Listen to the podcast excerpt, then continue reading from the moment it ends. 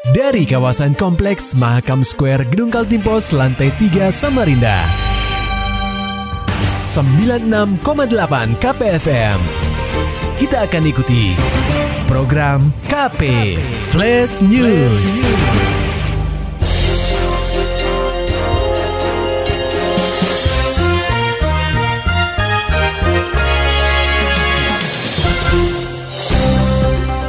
Anda sedang menyimak program KP Flash News bersama saya Agung Pratama. Pendengar KP, Dinas Pengendalian Penduduk dan Keluarga Berencana atau DPP KB Samarinda menggelar rapat pengendalian program atau Radalgram, pembangunan keluarga, kependudukan dan keluarga berencana bersama camat, lurah, dan penyuluh keluarga berencana atau PKB di Swiss Bell Hotel Samarinda, Selasa 27 September 2022. Kepala DPP KB Samarinda Igusti Ayu Sulistiani mengatakan Radalgram ini digelar dalam rangka mengevaluasi program Bangga Kencana di kota tepian. Evaluasi ini tentu saja nantinya akan menjadi acuan bagaimana menjalankan program-program berikutnya serta membenahi program yang dirasa kurang.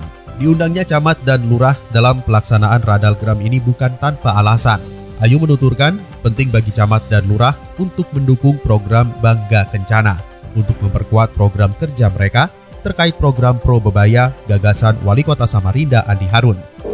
Harapan kita tentunya ini eh, makanya kita mengundang Bapak Ibu Camat dan Lurah. Tentunya program Bangga Kencana ini disupport penuh oleh eh, Bapak dan Ibu Lurah karena ini juga sebenarnya untuk memperkuat program kerja Bapak Ibu Lurah di lapangan terkait dengan Probebaya. Ini sebenarnya memperkuat program Probebaya sebenarnya.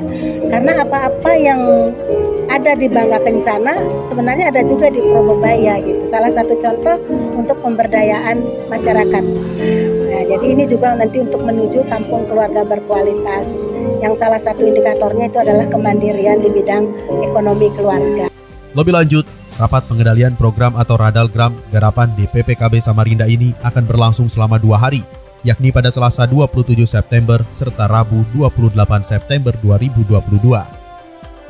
Beralih ke berita selanjutnya pendengar KP, bangunan dua lantai milik Sekolah Menengah Kejuruan Negeri atau SMKN 8 Samarinda yang berlokasi di Jalan Syahrani Dahlan, Kelurahan Harapan Baru, Loajanan Ilir, mengalami kemiringan sehingga beberapa pelajar harus belajar di musola, laboratorium hingga ruang rapat guru. Aktivitas ini telah berlangsung selama satu bulan lamanya. Diketahui, gedung tersebut sudah mengalami kerusakan sebelum pandemi terjadi. Kegiatan belajar mengajar atau KBM yang dilakukan secara daring saat pandemi terjadi membuat gedung seluas 30 kali 10 meter itu lama tak terpakai dan mengalami keretakan di bagian temboknya. Kepala SMKN 8 Samarinda Sri Hartono menerangkan, awalnya saat sekolah tatap muka berlangsung pada Januari 2022, para pelajar masih dapat menempati ruang kelas milik kelas 12 karena mereka sedang menjalani praktek lapangan. Namun saat praktek berakhir ketika tahun ajaran baru dimulai, maka KBM terpaksa dilakukan di laboratorium, musola, serta ruang rapat. Baru saja, karena ini kan e, kalau anak-anak ini kan kenapa baru saja? Karena kan ada tingkat kelas 3 atau kelas 12 yang baru pulang dari prakrin. Nah, dulu tidak masalah karena memang tidak ditempati. Karena yang prakrin pulang kemudian itu tidak bisa digunakan, maka kami ini. Baru satu bulan. Hartono menerangkan keputusan ini diambil setelah Dinas Pendidikan dan Kebudayaan atau Disdikbud Provinsi Kaltim menurunkan tim ahli untuk mengecek kemiringan gedung. Tim ini pun menilai gedung tersebut mengalami kemiringan yang cukup berbahaya dan disarankan agar tidak digunakan. Atas dasar itulah, pihak sekolah memindahkan KBM ke musola, laboratorium, dan ruang rapat. Berdasarkan data yang diperoleh, sebanyak 216 pelajar harus belajar di luar ruang kelasnya. Hartono menyebut Gedung tersebut terdiri dari enam kelas yang ditempati oleh pelajar jurusan akuntansi keuangan dan lembaga atau AKL.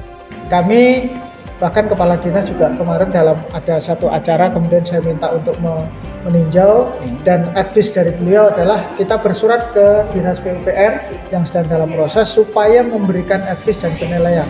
Apakah memang benar-benar tidak bisa berbahaya ataupun memang hanya nanti akan ada perbaikan-perbaikan?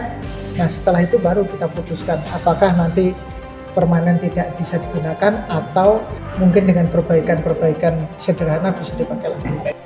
Menindaklanjuti hal ini, Hartono sendiri telah mendapat masukan dari Disdikbud Provinsi Kaltim agar bersurat kepada Dinas Pekerjaan Umum, Penataan Ruang dan Perumahan Rakyat atau PUPR Perak Kaltim untuk memberikan penilaian terhadap gedung sekolah yang mengalami kemiringan sehingga dapat menentukan bagaimana langkah penanganannya nanti.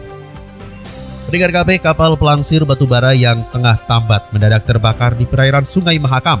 Laporan selengkapnya akan disampaikan reporter KPFM Samarinda, Muhammad Nur Fajar. Kapal pelangsir batubara bernama SUV Momentum 25001 tiba-tiba terbakar hebat saat tambat di tengah perairan Sungai Mahakam, tepatnya di kawasan Pulau Atas, Samarinda, pada Selasa 27 September sekitar pukul 9.30 waktu Indonesia Tengah. Kapal yang mengangkut 11 anak buah kapal atau ABK ini rencananya hendak bertolak ke Melak, Kutai Barat. Namun ketika sedang tambat, tiba-tiba api muncul di area kamar mesin, sehingga 11 ABK yang ada di atas kapal langsung menyelamatkan diri. Nahasnya dalam insiden ini, salah satu ABK bernama Suwarno mengalami luka bakar yang cukup parah, sehingga ia langsung dievakuasi ke Rumah Sakit Dirgahayu didampingi satu rekannya. Sementara 9 ABK lain diamankan ke kantor Satpol Airut Polresa Samarinda untuk menjalani pemeriksaan. Kasat Pol Airut Polresta Samarinda, AKP Teuku Zia menerangkan, dirinya sudah mengerahkan jajarannya untuk mengecek lokasi kejadian dan mengumpulkan saksi-saksi. Untuk sementara, pihaknya sedang menggali keterangan dari 9 ABK tersebut. Untuk sementara kita sudah menuju ke TKP, kita sudah e, mengumpulkan saksi-saksi. Jadi untuk yang di atas kapal itu ada sekitar 11 orang dengan korban luka ada satu orang saat ini masih di rumah sakit atas nama Suwarno. Hmm. Kemudian kalau indikasi awal terbakarnya di bagian mana di kapal itu, mana? Informasi yang kami dapat sementara itu di bagian kamar mesin. Kamar mesin ya. Untuk lebih pastinya nanti akan kita lakukan penyelidikan lagi. Disinggung terkait penyebab kebakaran, Perwira Balok 3 ini menuturkan bahwa titik api diduga berasal di bagian kamar mesin. Namun, untuk lebih memastikannya, Zia beserta jajarannya akan melakukan penyelidikan di lokasi kejadian dan terus menggali keterangan dari saksi-saksi yang ada. KPFM Samarinda, Muhammad Nur Fajar melaporkan. Sementara itu pendengar KP, kenaikan harga BBM dinilai tak ganggu inflasi.